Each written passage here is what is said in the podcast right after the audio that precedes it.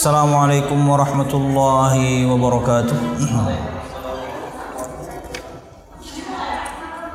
إن الحمد لله نحمده ونستعينه ونستغفره ونعوذ بالله من شرور أنفسنا ومن سيئات أعمالنا. من يهده الله فلا مضل له ومن يضلل فلا هادي له. أشهد أن لا إله إلا الله وحده لا شريك له وأشهد أن محمدا عبده ورسوله. قال الله تعالى في القرآن الكريم أعوذ بالله من الشيطان الرجيم. يا أيها الذين آمنوا اتقوا الله حق تقاته ولا تموتن إلا وأنتم مسلمون. يا أيها الناس اتقوا ربكم الذي خلقكم من نفس واحدة وخلق منها زوجها وبث منهما رجالا كثيرا ونساء واتقوا الله الذي تساءلون به والأرحام إن الله كان عليكم رقيبا. يا أيها الذين آمنوا اتقوا الله وقولوا قولا سديدا. يصلح لكم أعمالكم ويغفر لكم ذنوبكم ومن يطع الله ورسوله فقد فاز فوزا عظيما. فإن أصدق الحديث كتاب الله وخير الهدي هدي محمد صلى الله عليه وسلم وشر الأمور محدثاتها فإن كل محدثة بدعة وكل بدعة ضلالة وكل ضلالة في النار أما بعد Jamaah sekalian rahimakumullah Alhamdulillah segala puji dan syukur Marilah kita haturkan kepada Allah Subhanahu wa ta'ala Kemudian salawat serta salam Semoga selalu tercurahkan Kepada junjungan besar Nabi kita Muhammad Sallallahu alaihi wasallam Juga beserta para sahabatnya Keluarganya Dan segenap kaum muslimin Yang selalu istiqamah berpegang teguh dengan Islam sampai hari kiamat kelak. Jamaah sekalian rahimakumullah melanjutkan pembahasan kita pada satu kitab yang memiliki judul asli Aqidatu Ahli Sunnah wal Jamaah Mafhumuha Khasaisuha Wa khasaisu ahliha karangan Syekh Muhammad bin Ibrahim Al-Hamad hafizahullah taala. Dan ini adalah lanjutan dari kitab Al-Wajiz fi Aqidati Salafis Salih Ahli Sunnati wal Jamaah atau Intisari Aqidah Ahlus Sunnati wal Jamaah. Dan pada kitab ini ada pembahasan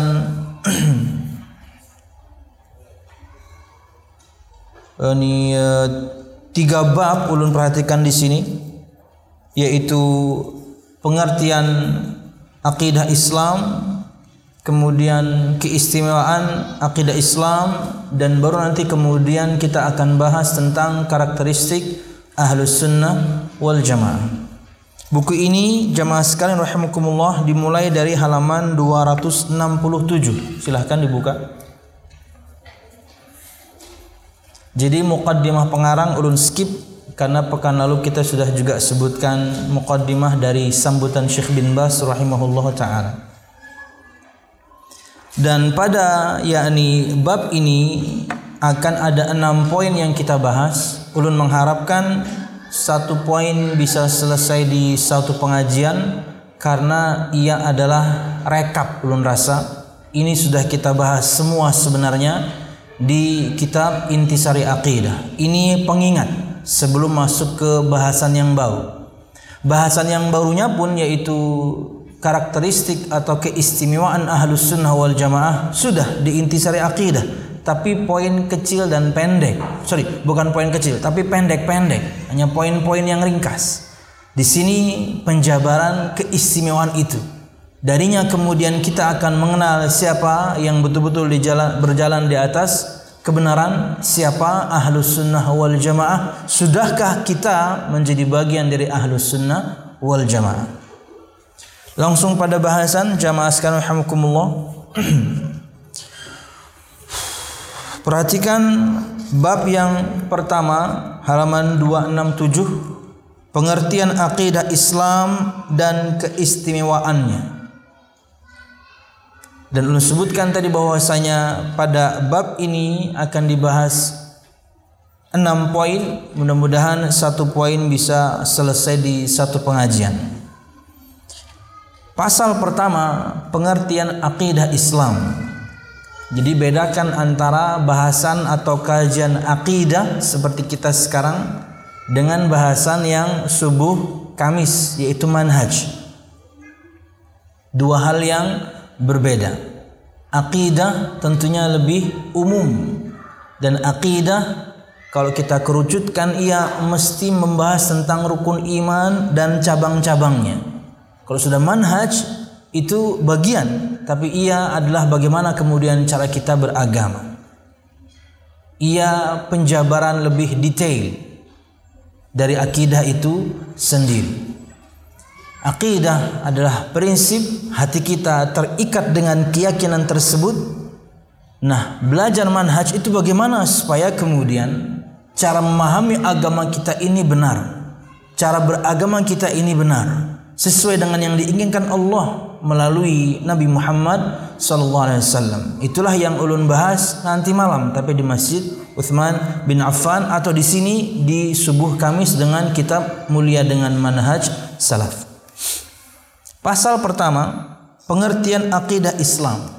Tentunya akan banyak poin yang akan ulun skip karena ini hanya pengingat, ini hanya rekap dari hal yang sudah kita bahas sebelum-sebelumnya.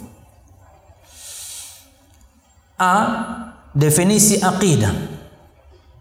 Definisi akidah menurut bahasa kata beliau hafizahullah taala kata akidah diambil dari kata al-aqdu yakni ikatan dan tarikan yang kuat.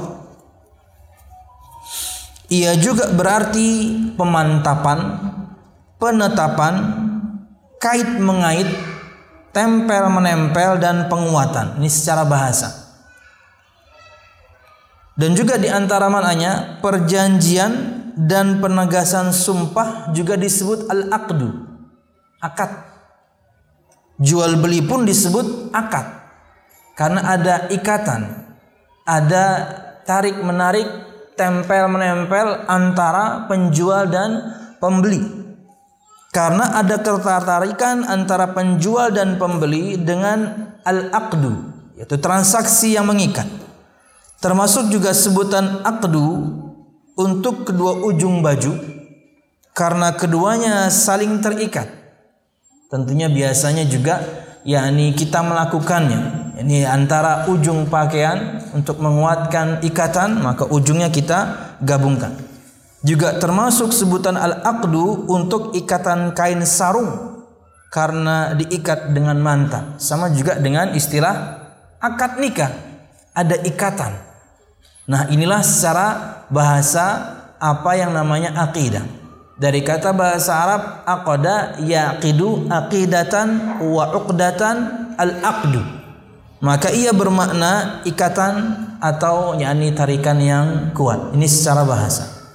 Juga bisa bermakna perjanjian, makanya ada akad nikah. Bisa juga bermakna yakni akad transaksi.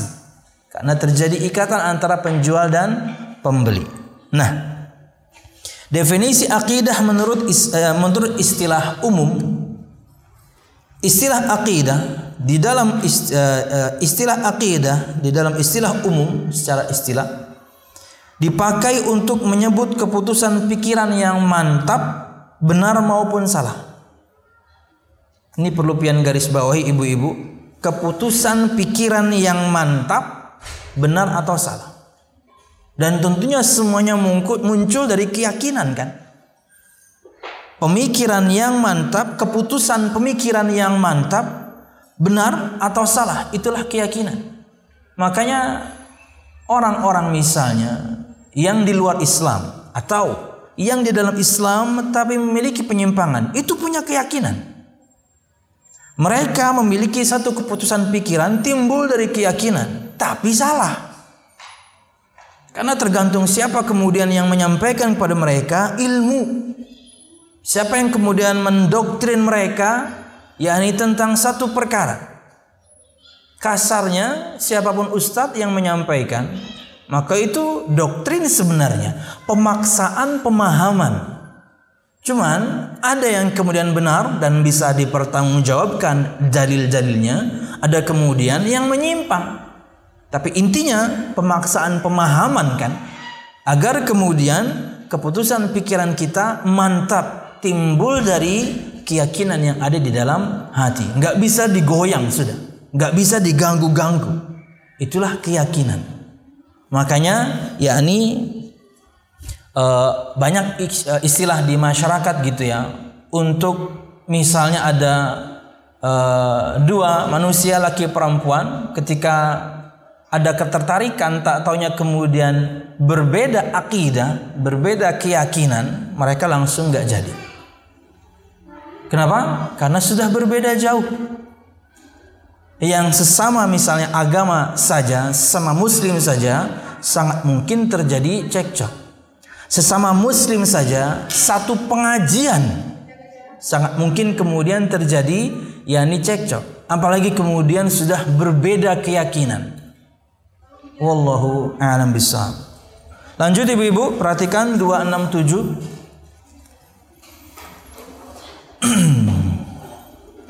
Istilah akidah di dalam istilah umum dipakai untuk penyebutan keputusan pemikiran yang mantap. Muncul dari keyakinan.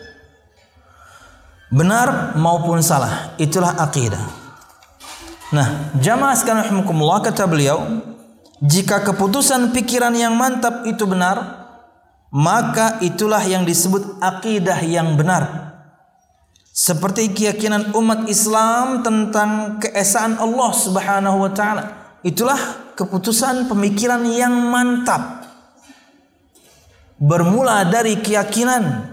Keyakinan ini terjadinya itu karena ilmu.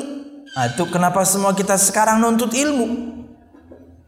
Kita nuntut ilmu, kemudian diberikan kepada kita pendalilan, kemudian diterangkan makna dalil itu hingga jadi keyakinan, hingga jadi keputusan.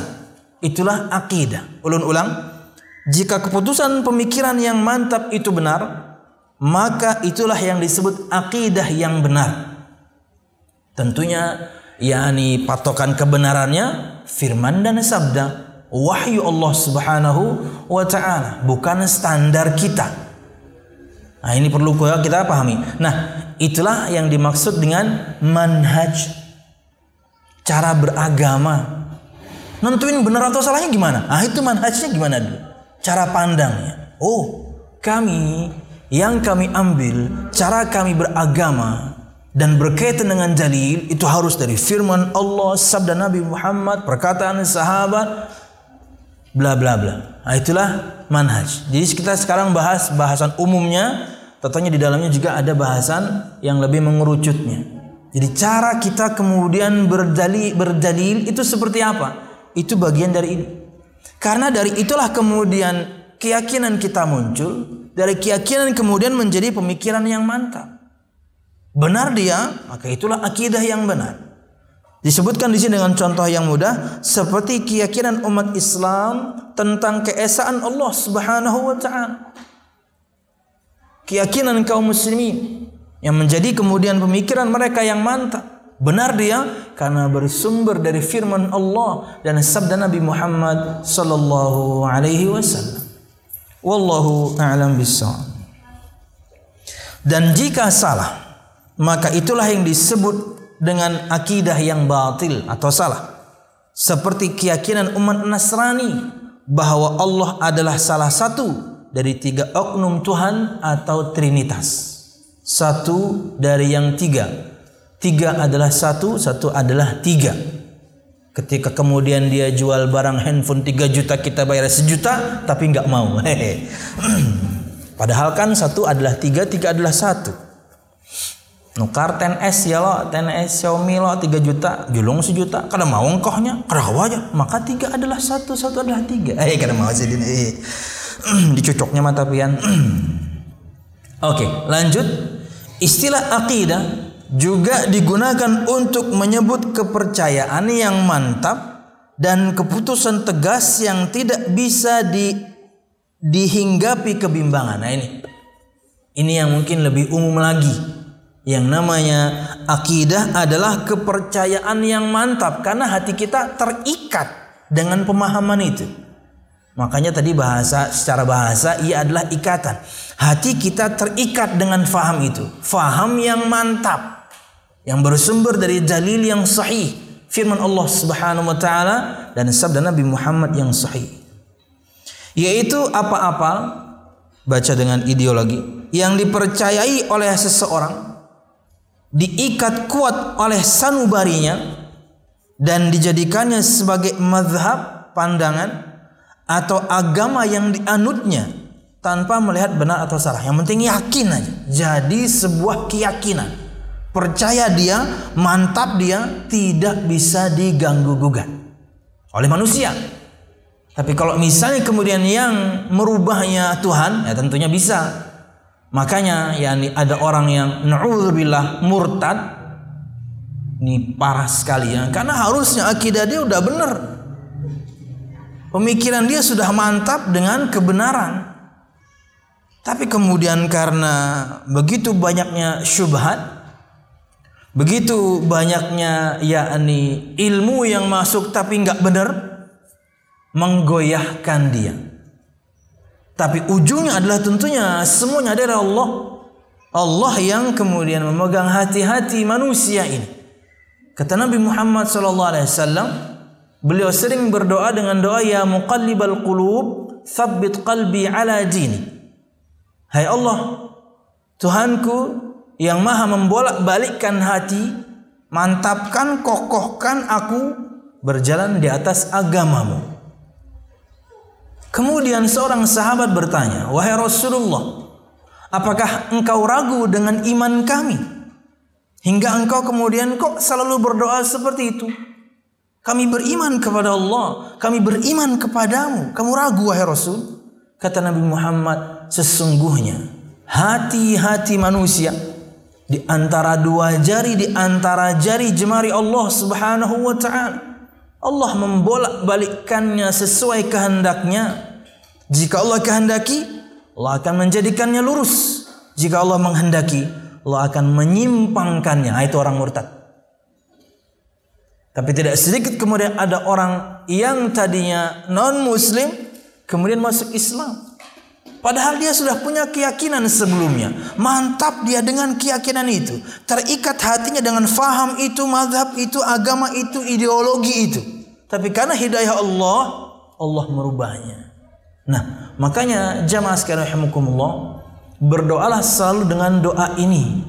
Maknailah selalu ketika pian semuanya membaca ihdinas siratal mustaqim dalam salat-salat kita itu Anda sedang berdoa. Ya, Anda sedang berdoa. Semoga Allah Subhanahu wa taala yang diberikan kita keistiqomahan. Nuntut ilmunya istiqomah, kemudian juga istiqomah dalam menjalankan ilmu tersebut. Diberikan kemudahan untuk menjalankan ilmu tersebut. Wallahu a'lam bishawab. Mau hanya mulai ada pertanyaan Anda. Kena dulu. Ini pian gak nih? di anda ujungnya nomornya 881 siapa tuh oke okay. sabar ya Bu Pak kita belajar dulu siap lanjut 268 perhatikan jamaah sekalian rahimakumullah akidah Islam. Jadi tadi adalah definisi secara bahasa secara istilah maka sekarang dimaksudkan dengan akidah Islam.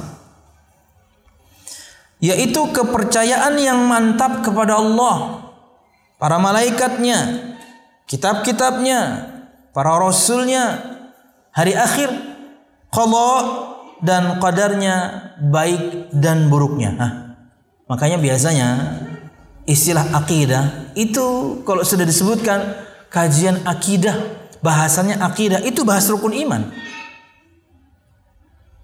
Tapi apakah hanya rukun iman? Tidak. Ada bahasan-bahasan yang lain yang tentunya ia adalah bagian dari keyakinan.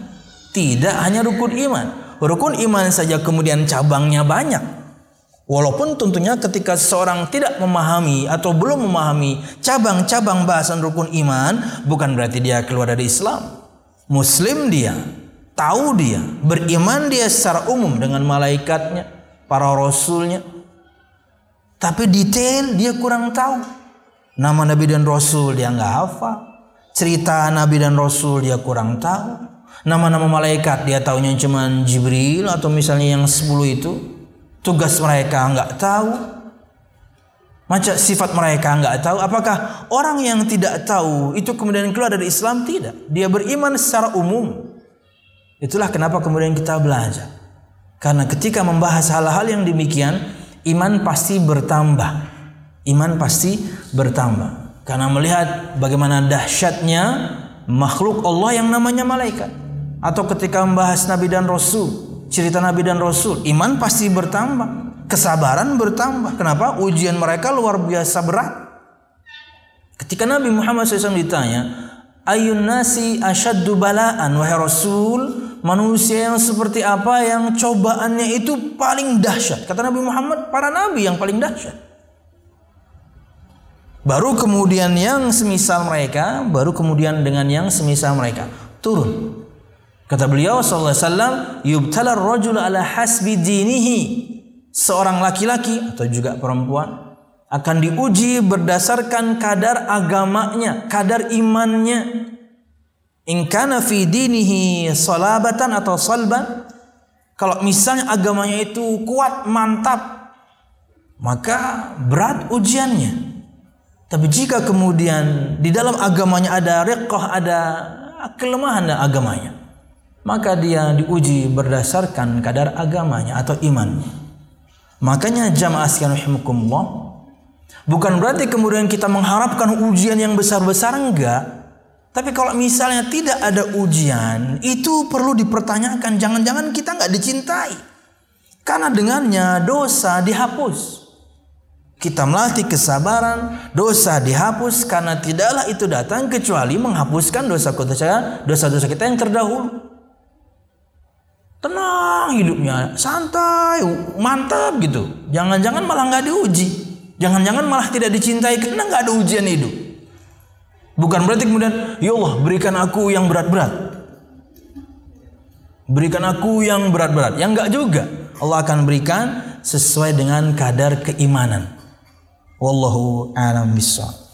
Jamaah sekalian kepercayaan yang mantap kepada Allah malaikat-malaikatnya, kitab-kitabnya, rasul-rasulnya, hari akhir dan kodok dan qadar yang baik dan juga yang buruk. Cukup sampai di situ? Tidak. Serta seluruh muatan Al-Quranul Karim dan As-Sunnah yang sahihah. Seluruh muatan. Bukan cuma kemudian rukun iman. Seluruh muatan Al-Quranul Karim. Kita tahu Al-Quran bahasan besarnya cuma tiga. Apa itu? Tauhid, cerita-cerita hukum-hukum. Itu isi Al-Quran. Itu isi Al-Quran. Secara umum ya. Tentunya yang lain juga ada. Tapi paling banyak tiga hal tentang tauhid bagaimana mengesahkan Allah bahkan yakni rukun iman eh sorry bahkan yakni uh, secara umum Al-Quran itu iman kepada Allah sebenarnya Kata para ulama, Anda akan dapatkan dalam satu halaman itu minimal ada 20 penyebutan lafzul jalalah Allah atau asma dan sifatnya. Ghafurur Rahim, Samiun Alim, bla bla bla. Itu masih minimal 20 karena inti Al-Qur'an al-imanu billah. Jadi seluruh muatan Al-Qur'anul Karim dan As-Sunnah perhatikan ada embel-embel as-sahihah, sunnah yang sahih. Sunnah yang dimaksudkan di sini adalah hadis. Nanti kita akan bahas lagi apa itu sunnah dalam definisi ahlus sunnah wal jamaah. Jadi hadis itu adalah dalil untuk kita. Di atasnya kemudian kita berpijak ketika kita sebelum beramal. Harus yang sahih, minimal ya levelnya hasan.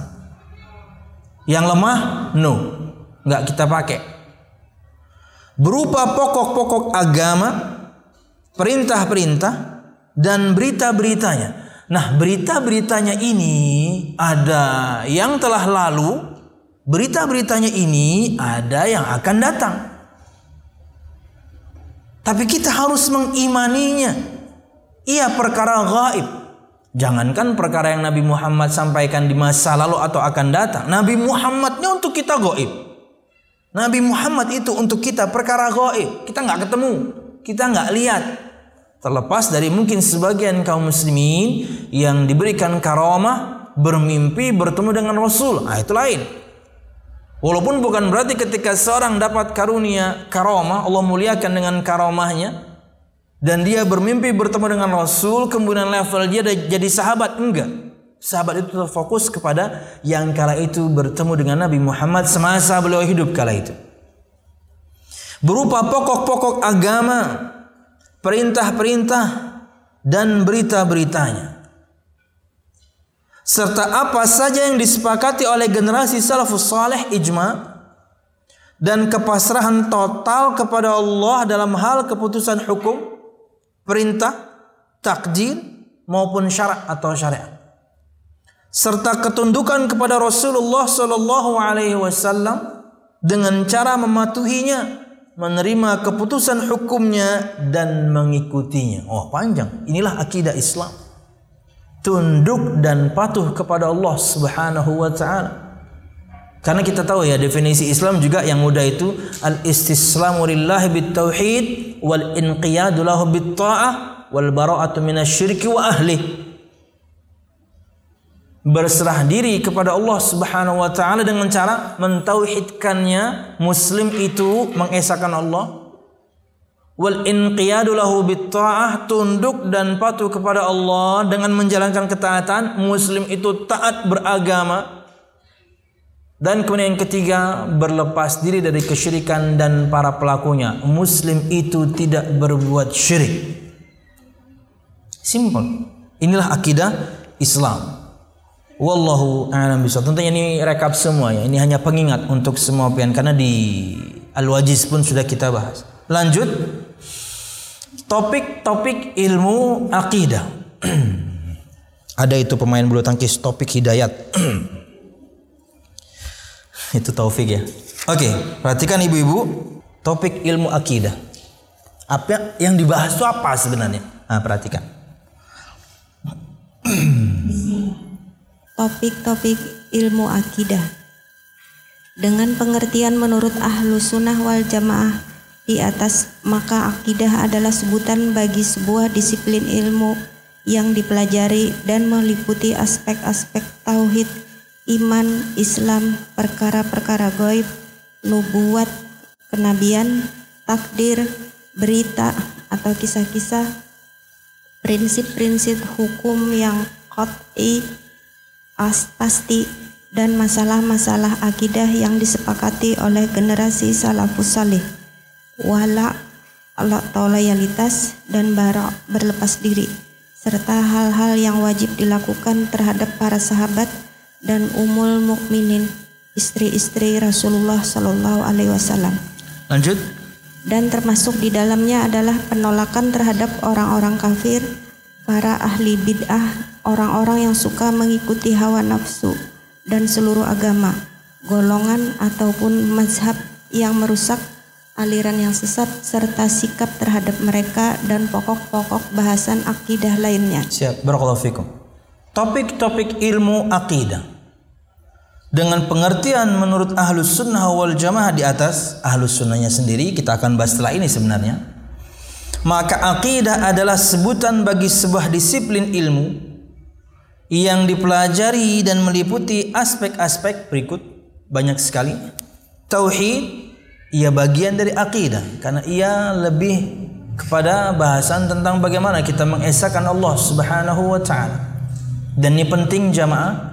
Kenapa ini menjadi prioritas? Karena ini pondasi. Dari kemarin kita belajar pondasi. Kalau tidak salah disebutkan kita mulai kajian intisari akidah itu 2017 mungkin.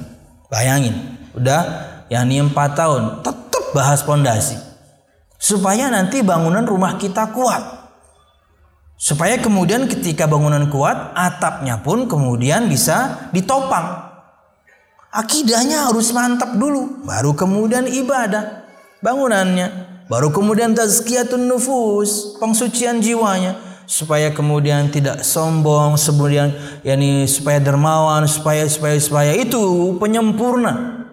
Ulun istilahkan dengan bangunan karena kita sedang bahas pondasi. Kalau kemudian pondasinya tidak kuat, nanti bangunannya selain bisa roboh, minimal miring. Karena syubhat terombang-ambing, karena syubhat kemudian melenceng. Kenapa? karena pondasinya nggak kuat. Akhirnya bangunannya ketika diterpa angin sedikit miring dia. Banyak roboh dia.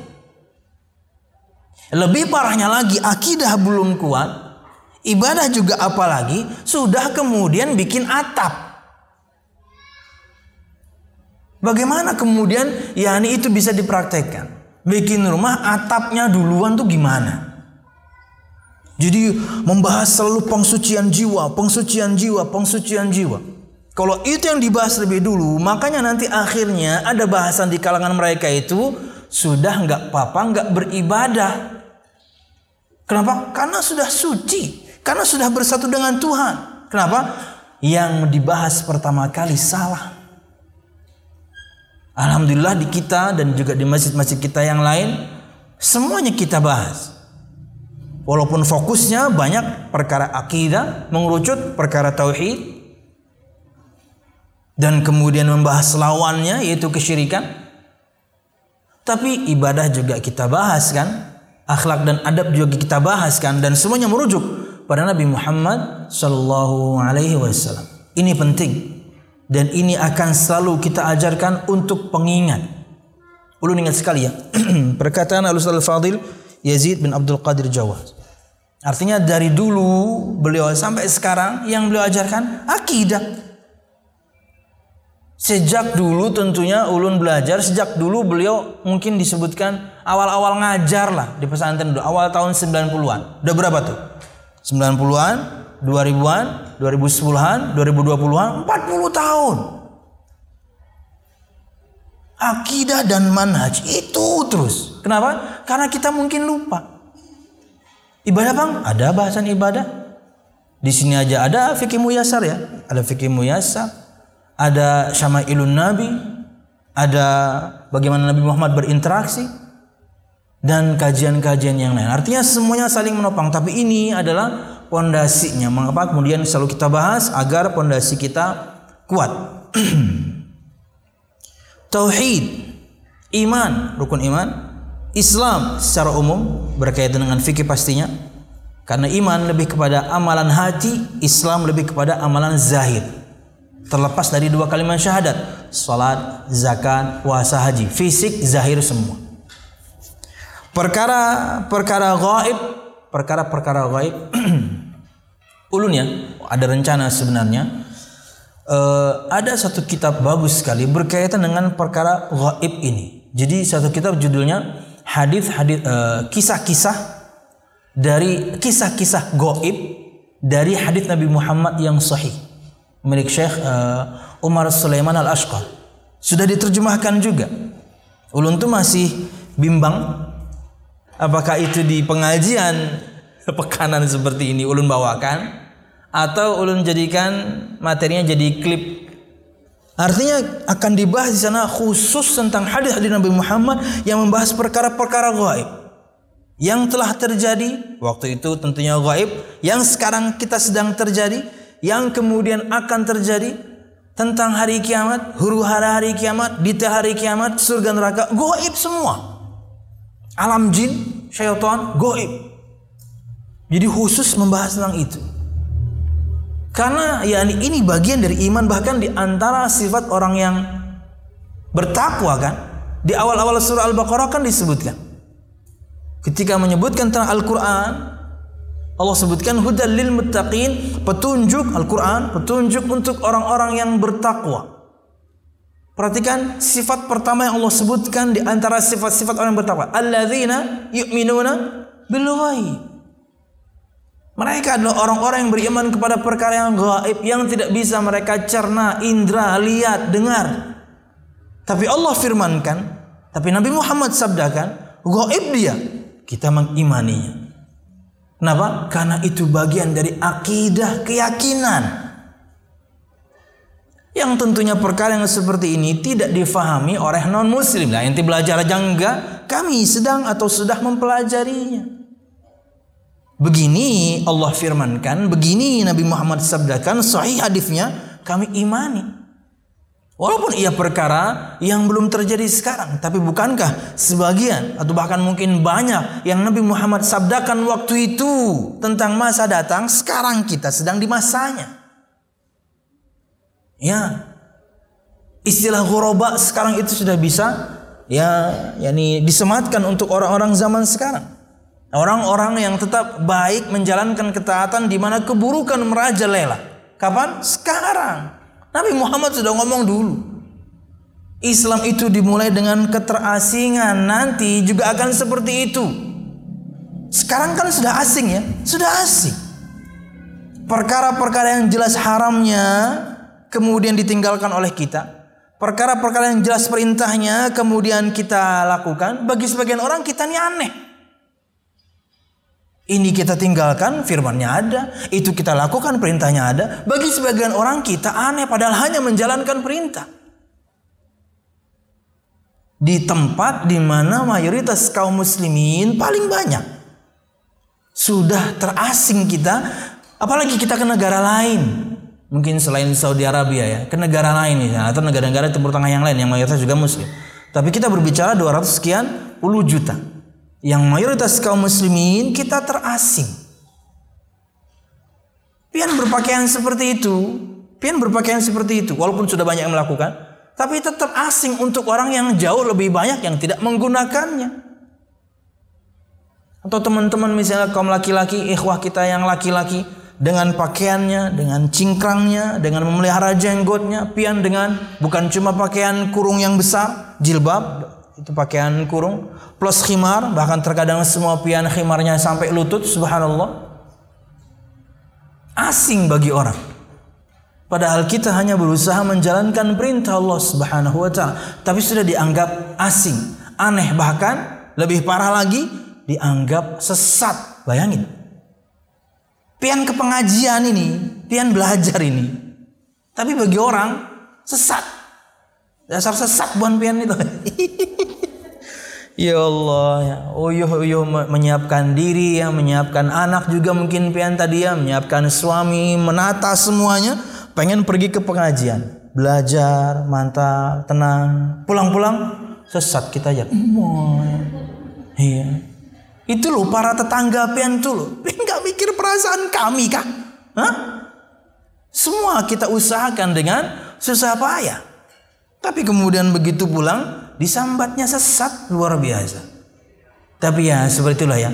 Yang namanya netizen plus 62 ya pian ya, ya bersabar lah. Mungkin mereka hanya belum tahu atau seperti bahasan yang semalam, semalam ulun sampaikan dan itu ulun kutip kurang lebih maknanya dari Ustadz Firanda.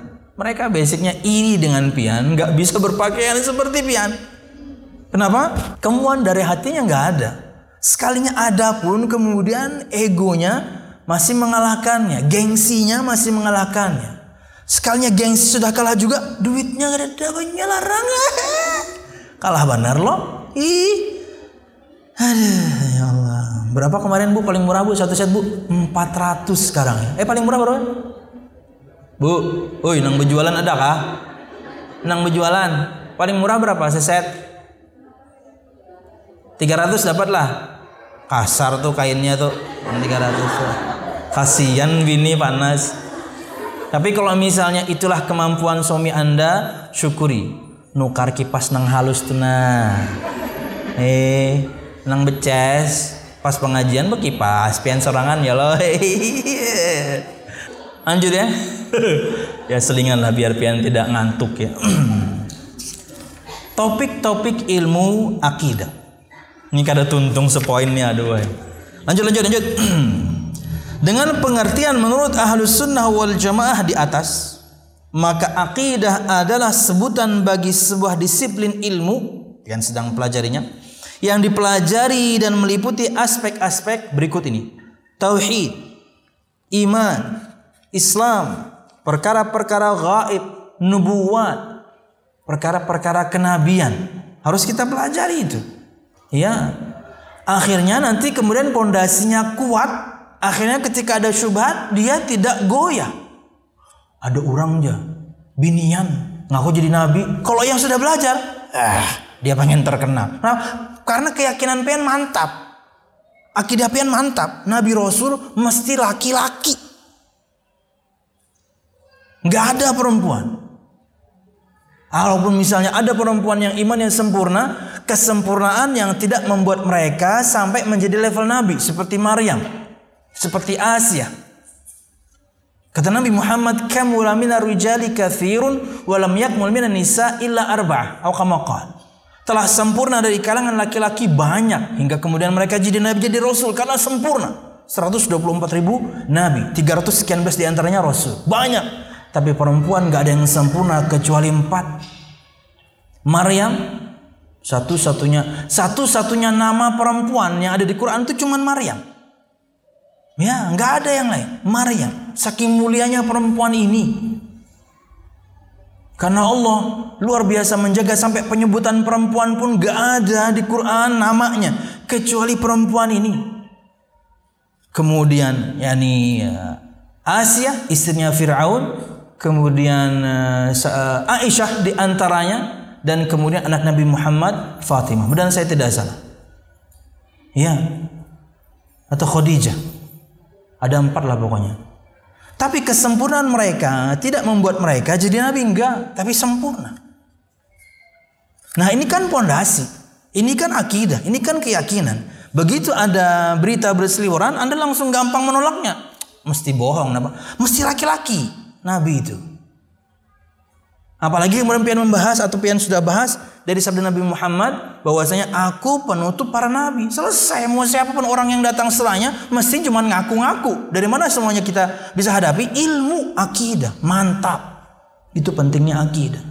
Wallah bisa. Takdir, berita atau kisah-kisah sepertiga Al-Quran isinya itu. Prinsip-prinsip hukum yang qat'i, pasti, halal haram dan masalah-masalah akidah yang disepakati oleh generasi salafus saleh tentunya banyak hal.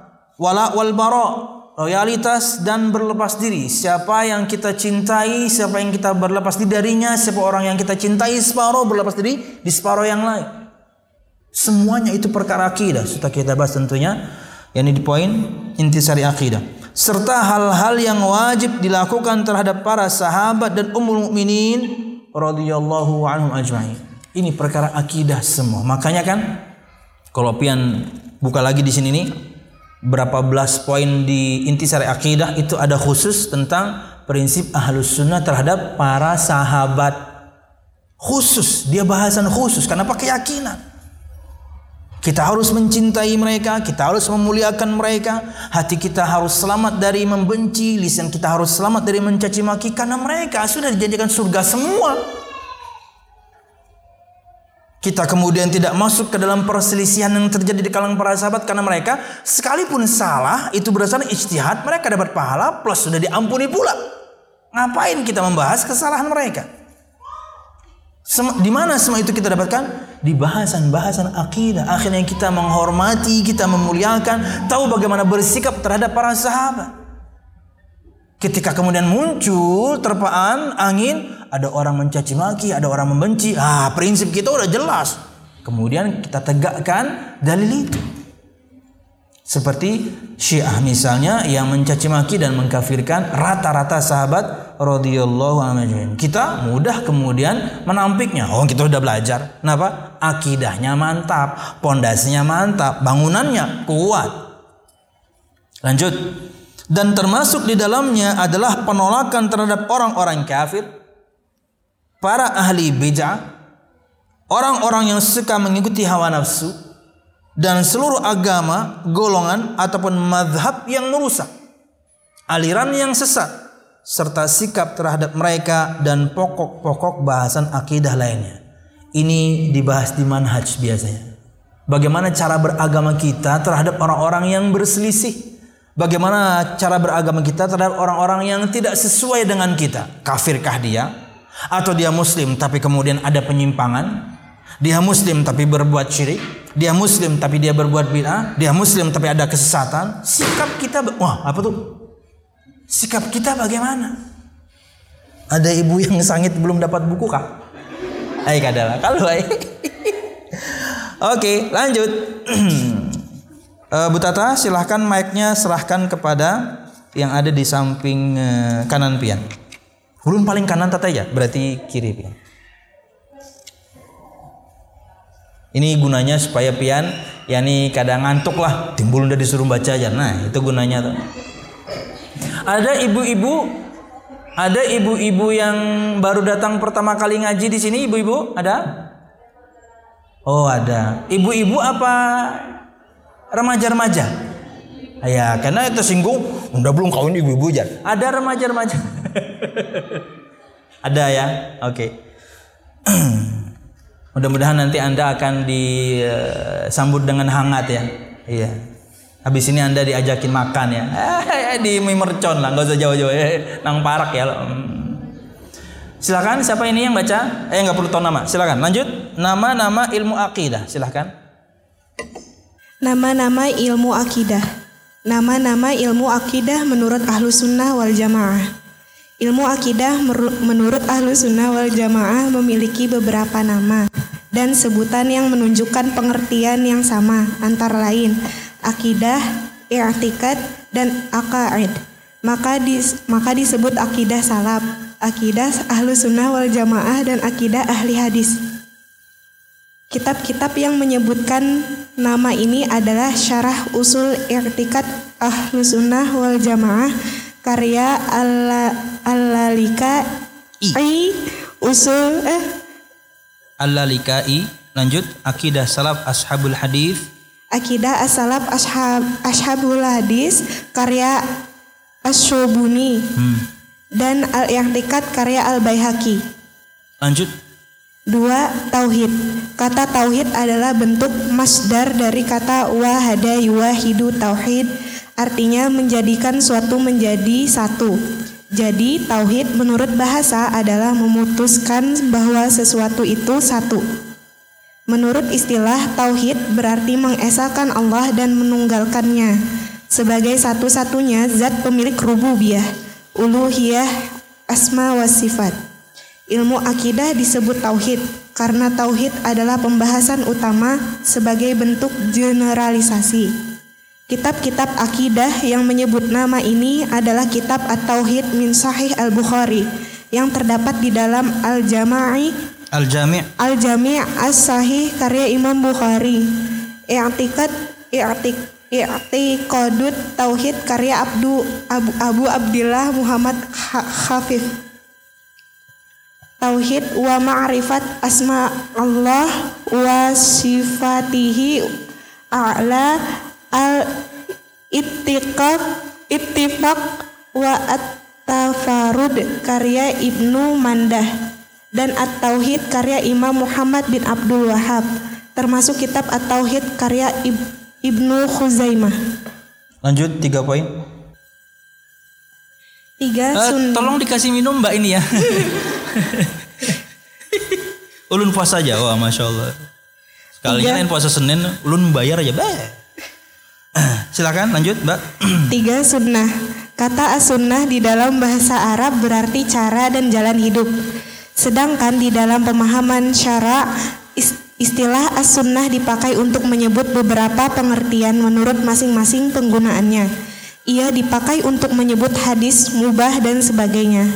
Alasan penyebut ilmu akidah dengan sunnah penyebutan penyebut alasan penyebutan ilmu akidah dan sunnah adalah karena para penganutnya mengikuti sunnah Nabi Shallallahu Alaihi Wasallam dan sahabat-sahabatnya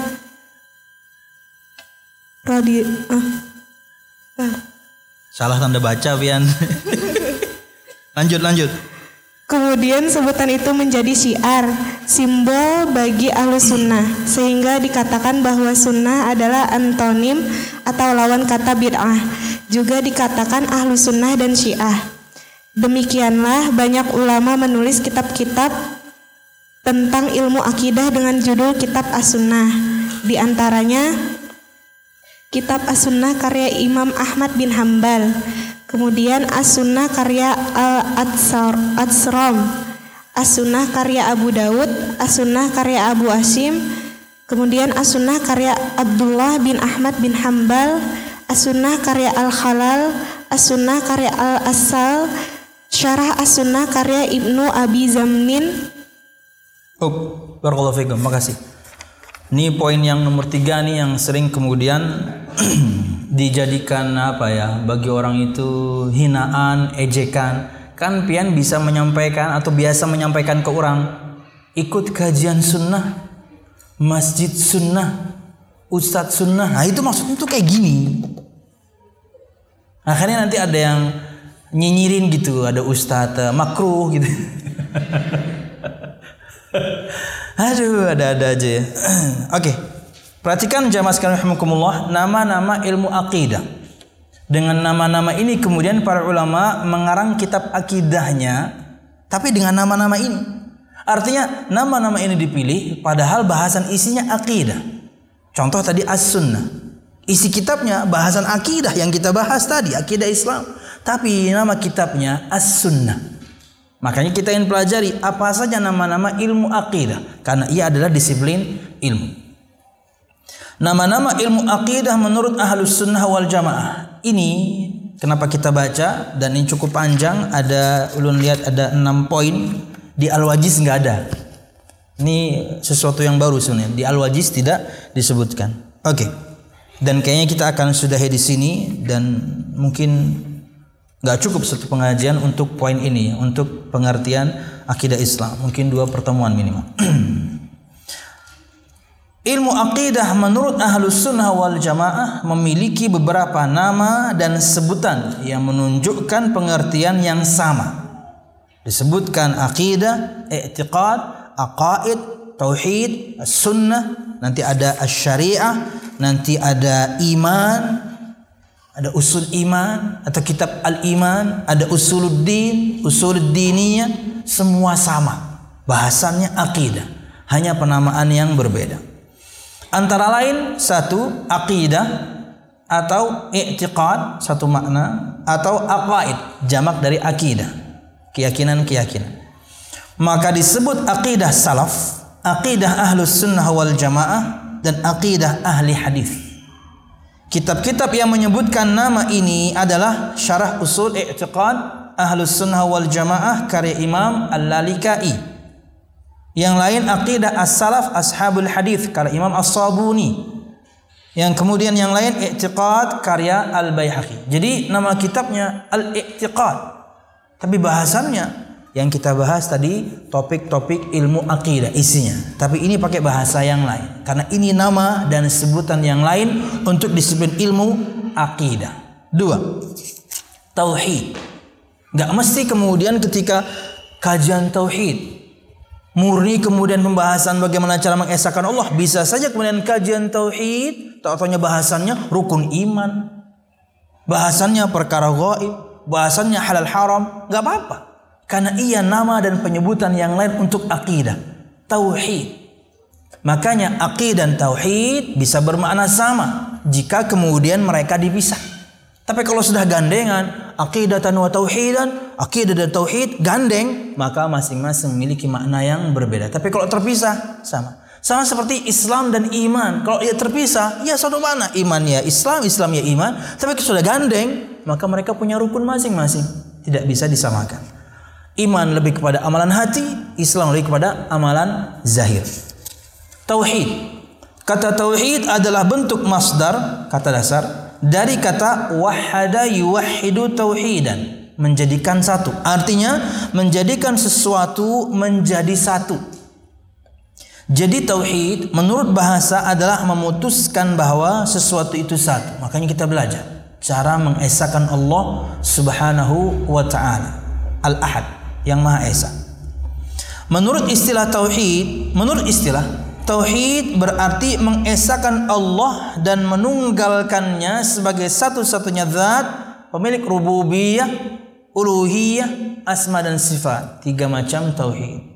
Mengesahkan Allah dalam perbuatan Allah rububiyah, mengesahkan Allah dalam perbuatan hamba uluhiyah, uluhiyah, mengesahkan Allah dalam asma dan sifatnya, tauhid asma dan sifat. Ilmu akidah disebut tauhid karena tauhid adalah pembahasan utamanya lebih mengerucut pada iman kepada Allah Subhanahu wa taala yang menciptakan kita yang kemudian tujuan kita diciptakannya untuk menyembah Allah Subhanahu wa taala sebagai bentuk generalisasi. Kitab-kitab akidah yang menyebut nama ini adalah kitab At-Tauhid min Sahih Al-Bukhari. Jadi bahasan akidah dalam satu kitab tapi namanya adalah At-Tauhid itu di antaranya karangan Imam Al-Bukhari. Disebutkan At-Tauhid min Sahih Al-Bukhari. Kata-katanya menggunakan At-Tauhid padahal padahal bahasannya adalah akidah secara umum.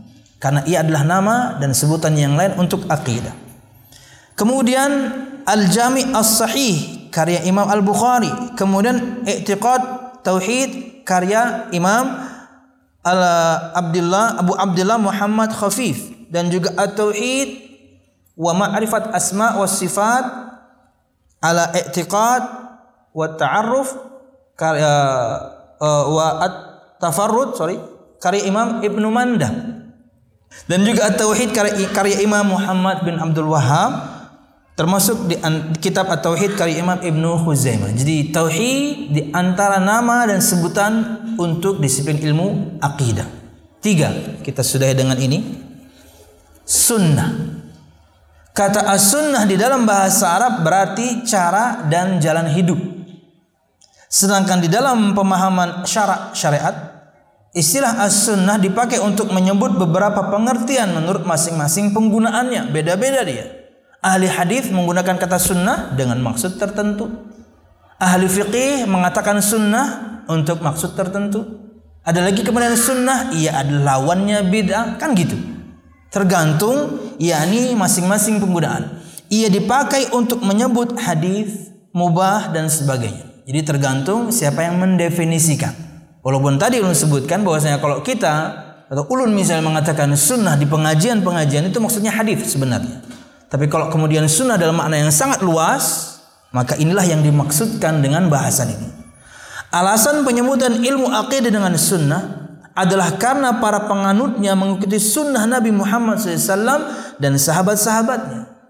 Sunnah di sini umum, jalan hidup, cara beragama, bukan sunnah yang kemudian yakni lawannya makruh, bukan sunnah yang kemudian lawannya bid'ah bukan sunnah jalan hidup Nabi Muhammad dan para sahabat Rasulullah Sallallahu Alaihi Wasallam. Kemudian sebutan itu menjadi syiar simbol bagi ahlus sunnah. Sehingga dikatakan bahwa sunnah adalah antonim atau lawan kata bid'ah. Juga dikatakan ahlus sunnah dan juga syiah. Jadi lawan dari bid'ah dan juga syiah. Demikianlah banyak ulama menulis kitab-kitab tentang ilmu akidah dengan judul kitab As-Sunnah. Jadi nama kitabnya As-Sunnah, tapi bahasan kitabnya adalah akidah. Karena ia nama lain, ia adalah sebutan lain untuk ilmu akidah. Di antara yang kitab As-Sunnah karya Imam Ahmad bin Hanbal, kitab As-Sunnah karya Imam Al-Athram, kitab As-Sunnah karya Imam Abu Dawud, kitab As-Sunnah karya Al-Abu Asim, kitab As-Sunnah karya anak Imam Ahmad bin Hanbal Abdullah bin Hanbal bin, bin Ahmad bin Hanbal. Kemudian kitab As-Sunnah karya Al-Khallal kitab As-Sunnah karya Al-Asal kitab Syarah As-Sunnah karya Ibnu Abi Zamnin. Atau juga ada Syarah As-Sunnah milik Imam yakni Al-Barbahari. Semuanya menggunakan kata sunnah tapi bahasannya adalah tentang akidah wallahu a'lam bishawab kita akan sebutkan nanti bahasan berikutnya di antara nama dan sebutan akidah yang lain adalah syariah, iman, usuluddin dan usuluddiyana. Itu semuanya satu makna. Ia nama lain dari akidah.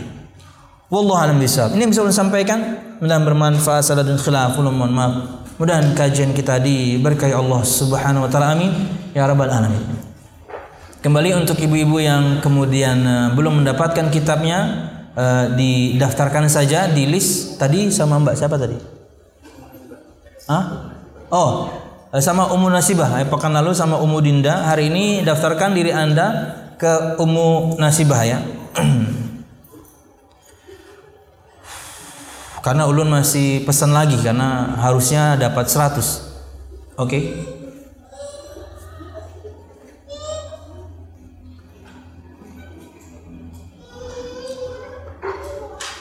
Assalamualaikum Ustaz Waalaikumsalam Bagaimana cara meyakinkan seseorang yang mengingkari orang tua Nabi Shallallahu Alaihi Wasallam di neraka? Umma, pertanyaan, heh. Ini yang nanya hadir pengajian kan nih? ya, Anda hanya bisa menyampaikan. Tugas Anda hanya menyampaikan. Sampaikan sabda-sabda Nabi Muhammad SAW tentang perkara ini. Ya, karena Nabi Muhammad yang mengatakannya. Di hadis yang bahkan dikeluarkan oleh Imam Muslim. Tugas Anda menyampaikan. Dengan tentunya mungkin eh, kata-kata yang tepat, timing yang tepat, mudah difahami, sampaikan dan tugas Anda selesai. Apakah kemudian itu menjadi keyakinan mereka? Kita nggak tahu. Maka setelah menyampaikan, mudah mereka fahami, berdoalah selalu kepada Allah Subhanahu wa taala agar Allah berikan mereka petunjuk itu. Mudah memahami apa yang Anda sampaikan, termasuk di antaranya prinsip ini. Ini prinsip. Kalau sudah Nabi Muhammad yang mengatakan, Anda nggak percaya juga, lalu bagaimana? Siapa yang kemudian kita percayai? Nabi Muhammad yang menyebutkan perkara ini tentang di nerakanya kedua orang tua beliau riwayat Imam Muslim. Ya, jadi tugas Anda hanya menyampaikan. Para ulama mutaqaddimin yang jadul-jadul semuanya sepakat. Terjadi perselisihan itu di mutaakhirin. Ya, ya dua tiga ratus terakhir inilah. Yang kemudian beragamanya masih pakai rasa. Jamaah sekalian rahimakumullah, kita ingin kita semuanya mau hal yang baik terjadi pada kedua orang tua Nabi Muhammad SAW. Kita mau. Tapi Nabi Muhammad yang mengatakan, maka kita yakini. Kan sudah kita bahas ini. Itulah akidah Islam, ini bagian dari akidah Islam. Bahkan ketika kita mengatakan asyhadu anna Muhammad Rasulullah, saya bersaksi bahwa saya Muhammad Rasulullah, itu mempercayai semua berita yang beliau bawa. Konsekuensi nomor satu. Ketika semua kita mengatakan asyhadu anna Muhammad Rasulullah, itu konsekuensi nomor satu, keharusan kewajiban nomor satu, mempercayai semua berita yang beliau bawa tanpa ragu, masuk akal atau tidak, tentang masa lalu atau masa depan Sabda Nabi Muhammad, sahih hadisnya, kita yakini, kita imani, sami'na wa ta'na. Termasuk perkara ini. Simple. Wallahu a'lam bishawab. Ada pertanyaan dari Ipian ibu-ibu? Seperti biasa pakai kertas aja. Kalau tidak ada kita sudahi. Cukup ya? Yang belum dapat kira-kira ada berapa bu? 20 masih ada bu? 20 orang ada nggak yang belum dapat? Atau 10 orang? Lebih ya karena berarti harus pesan lebih banyak lagi ya. Oke siap. Dan ingat ibu-ibu nih pengingat saja ibu-ibu. Kitab ini atau kemudian kitab Al-Wajiz fi Aqidati Salafus Saleh Intisar Akidah atau kitab-kitab yang lain yang pian dapat dibagikan dan pian dapatkan itu adalah amal dari sebagian pian juga sebenarnya. Bahkan ada angka yang cukup besar dari pian ini orangnya mungkin juga duduk bersama pian, dia di antara yang mendanai. Artinya itu amanah. Kalau memang betul-betul pian tidak bisa hadir, tapi bisanya di rumah tetap ngaji. Ya, semua ada hitungannya, semua ada catatannya. Jangan sampai kemudian hanya dapat kitab, kemudian pian nggak belajar. Hanya dapat kitab, kemudian pian nggak hadir. Oke nggak hadir karena berhalangan, di rumah pun pian nggak belajar. Nah jangan keinginan dari semua kaum muslimin yang berdonasi ini dibaca, diamalkan pengajian diikuti. Wallah pengingat karena semua kita akan mempertanggungjawabkannya. Kalau kemudian ini memberatkan, akhirnya ada sebagian ibu-ibu ngalinya lah, udah kado saja gini. Ah, itu bisa jadi ya. Karena jadi dapat bukunya. Atau ada yang membelikan, udah kada jadi. Jangan.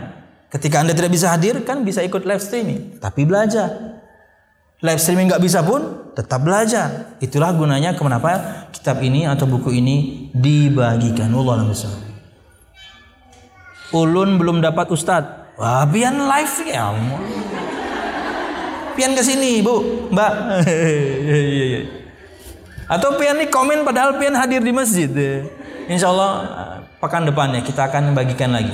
Barakallahu fiikum. Ini bisa sampaikan. Subhanakallah bihamdika asyhadu an la ilaha illa anta astaghfiruka wa atubu ilaik. Wassalamualaikum warahmatullahi wabarakatuh.